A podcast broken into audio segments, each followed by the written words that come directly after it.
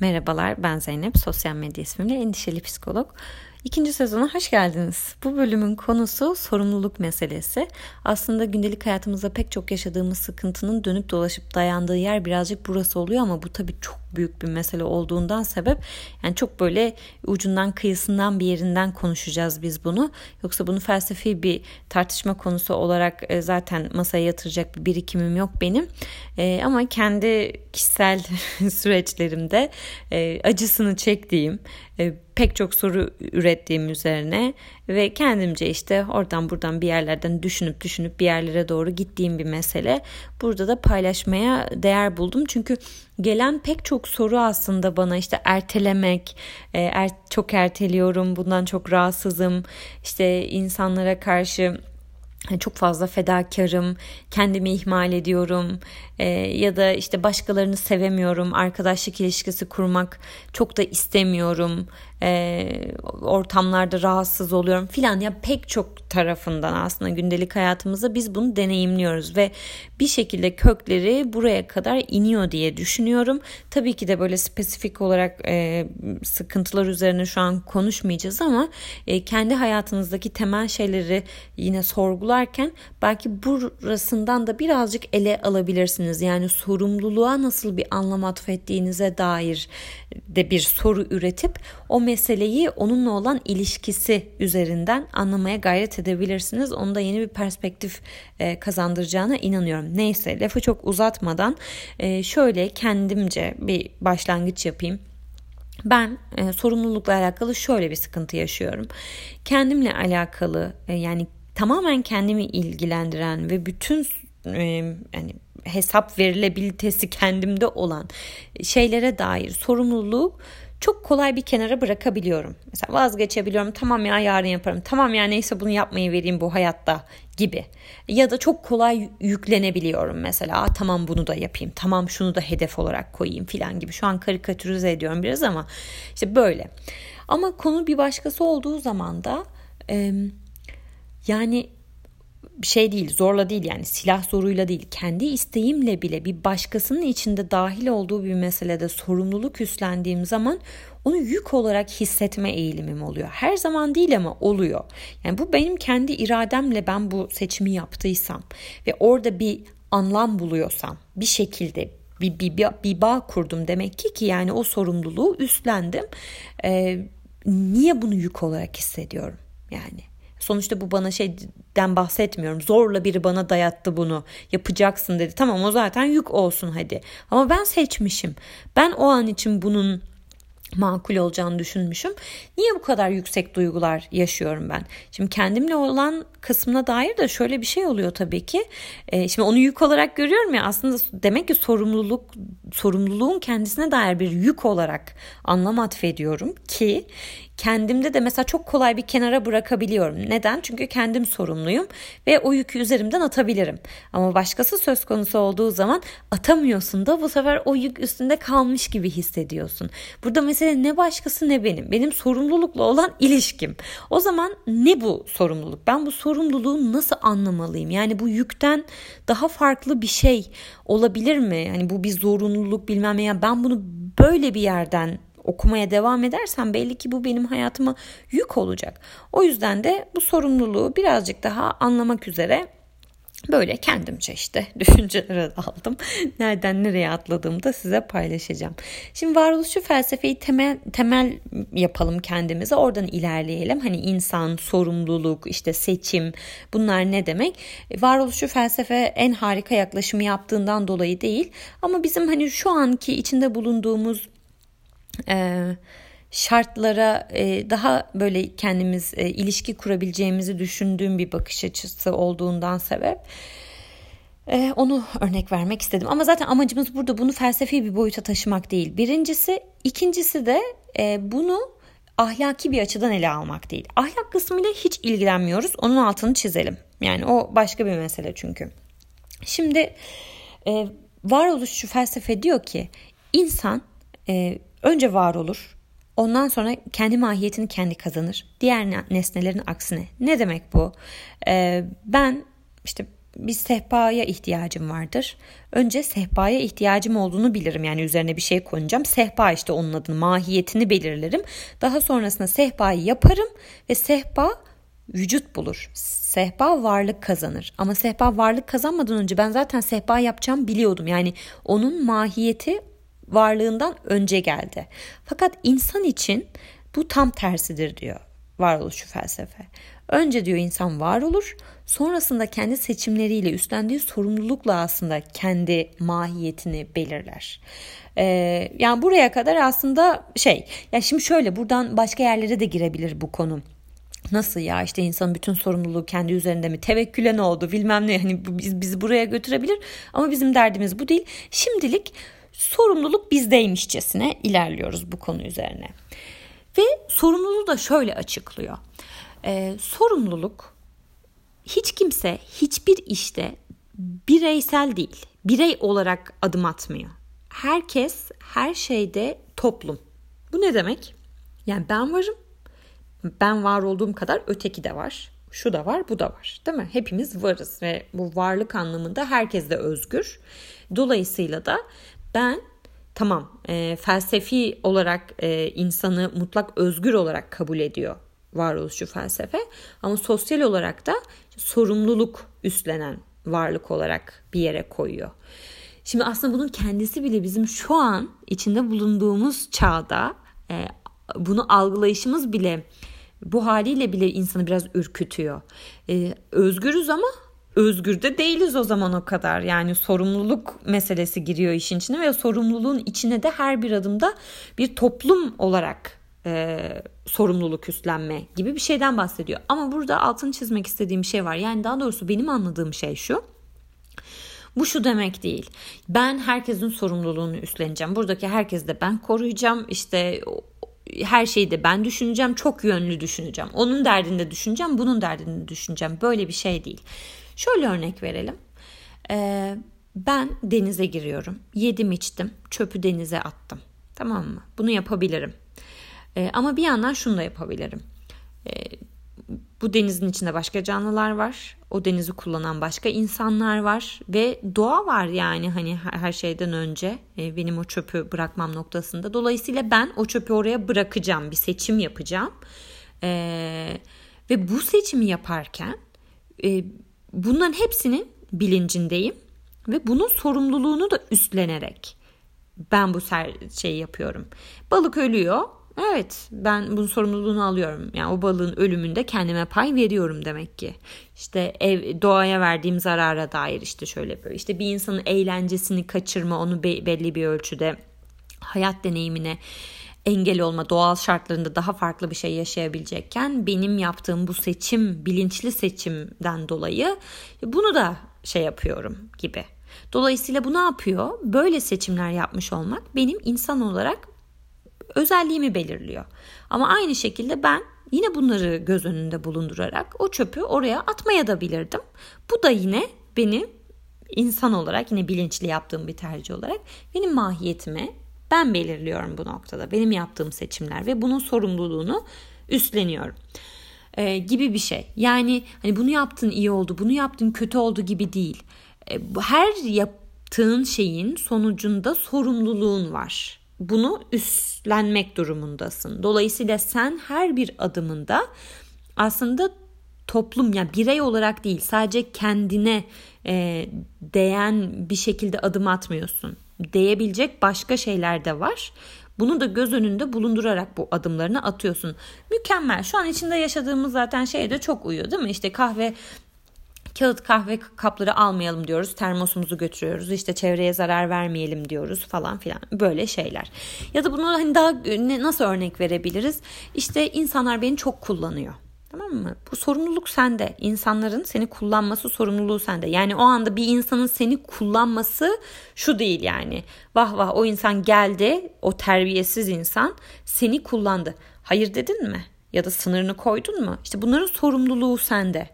Ee, ama o zaman da işte küser gider akraba mı benim? İşte yüz yüze bakacağız. Küsmenin e, yani bu, bu, bu sefer bunun sonucunun sorumluluğunu alman lazım. Ee, bunu almadığın için o zaman kullanılma konusundaki sorumluluğu üstlenmen lazım. Yani her bir seçim beraberinde bir şey getiriyor ve bunun sorumluluğu da sana ait. Ve sen ne kadar aslında e, geniş çaplı yani varlığın bilincinde e, düşünebilirsen ve buna göre hareket edebilirsen e, işte bu da senin e, mahiyetini belirleyecek olan şey diyor varoluşçu felsefe. E, şimdi çok güzel. Yani keşke yani keşke böyle yapabilsek gerçekten. Zaten sürekli de işte bunu konuşuyoruz yani onun hakkı, bunun hakkı işte çocuğumuzun hakkı, bir şeyin hakkı falan filan. Ama neden bir türlü biz bunun içinde sıkışıp kalıyoruz? Yani rasyonel olarak yüzde yüz iknayız diyelim ki buna. Ama yok yani gündelik hayatlarımızda bunun içinde bir noktada sıkışıyoruz. Tamam bir şeyleri tercih etmesi her zaman çok kolay bir şey değil. Ama bir şey yapmamanın zorluğuyla içinde kalmak, onun içinde sıkışmışlık başka bir şey. Yani şey gibi değil bu. E, tamam koşmam lazım. E, çok üşeniyorum, koşmak istemiyorum. Hani burada sadece ya da koştum çok yoruldum. Burada fiziksel bir tarafa değen bir şey var. Ama bizim yaşadığımız gerginlikte sorumlulukla alakalı olarak bir yandan böyle bu içine yani ruhsal olarak sanki bir parçamızın da emildiği, tam olarak kendimizi nereye koyduğumuzu bilme, bilmediğimiz, özgürlüğümüzden mi vazgeçiyoruz yoksa tam olarak ne yaptığımızı mı bilmiyoruz, ne istediğimizi mi bilmiyoruz biz ya da biz işte iyi insan mıyız, kötü insan mıyız, istikrarlı mıyız, istikrarsız mıyız? Yani başka başka böyle yerlere getiriyor bizi ve bunların hepsi de kendi mahiyetimizi sorgulamayla alakalı bir yere aslında gelmeye başlıyor. Neyse şimdi buraya gelelim biraz burada kalalım. Bu sorumluluk meselesine vurgu yaparken yani ötekine ötekinin varlığına vurgu yaparken aslında varoluşu felsefenin bence e, vurgulamaya çalıştığı şey şu. Daha doğrusu şöyle kabul ediyor zaten. Diğeri benimle alakalı olan biri değil. Yani o da var, ben de varım. Ee, ve sadece biz aynı ortak alanı paylaştığımız yani or, böyle ortaklıklarımız var. Ama o benim bir uzantım değil yani o benim bir parçam değil. O bir başkası ve var ve hakları var ve onun da özgürlüğü var ve benim de özgürlüğüm var gibi. Şimdi bizim içinde yaşadığımız dünya narsistik yapıyı çok güzel besleyen bir dünya. Yani biz başka bir şeyin de içine doğmadığımız için alternatif bir oluşu zaten hani onun kıyasına girmek de çok mümkün değil açıkçası. Fakat e, şimdi narsis ne demek narsisizm? Kendini bir başkasından ayrıştıramamak demek en özet haliyle. Normalde nedir? Yani sağlıklı bir gelişim sürecinin bir birey açısından şöyle olmasını bekleriz. Ben, öteki, öteki şey, nesne değil mi? Ben, sen ve şeyler. Yani işte böylece karşı işte benim şu anda karşımda bir tane televizyon var, bir tane koltuk var. bunlar. Şimdi narsisistik desenler biraz şunu içerir. Ben ve benim uzantım olarak sen. Ben ve benim şeyim. Bana ait olan. Yani aslında benden bağımsızlaşmıyor hiçbir şey. Aksine her şey benimle alakalı olmaya başlıyor. Şimdi benimle her şey alakalıysa yani ben ötekini zaten öteki olarak kendimden ayrıştırarak e, algılayabilecek bir şeyde değilsem ki bu böyle ha deyince de olmuyor ki tamam bundan sonra böyle algılayacağım kardeşim öyle olmuyor yani. Böyle bir potansiyelim yoksa gelişmemişsem e ben o zaman zaten sağlıklı bir sorumluluk algısı nasıl geliştireyim? Yani öteki de zaten ben. Yani ötekine bir şey yaparken de kendime dair bir şey var. Bir şeyin çatışması o. E kendimle alakalı da aynı. Benler birbirine giriyor bir noktada. Ve şu şu demek değil yani hani narsisiz yani narsisistik kişilik bozukluğundan bahsetmiyorum. Narsisistik yapıdan bahsediyorum.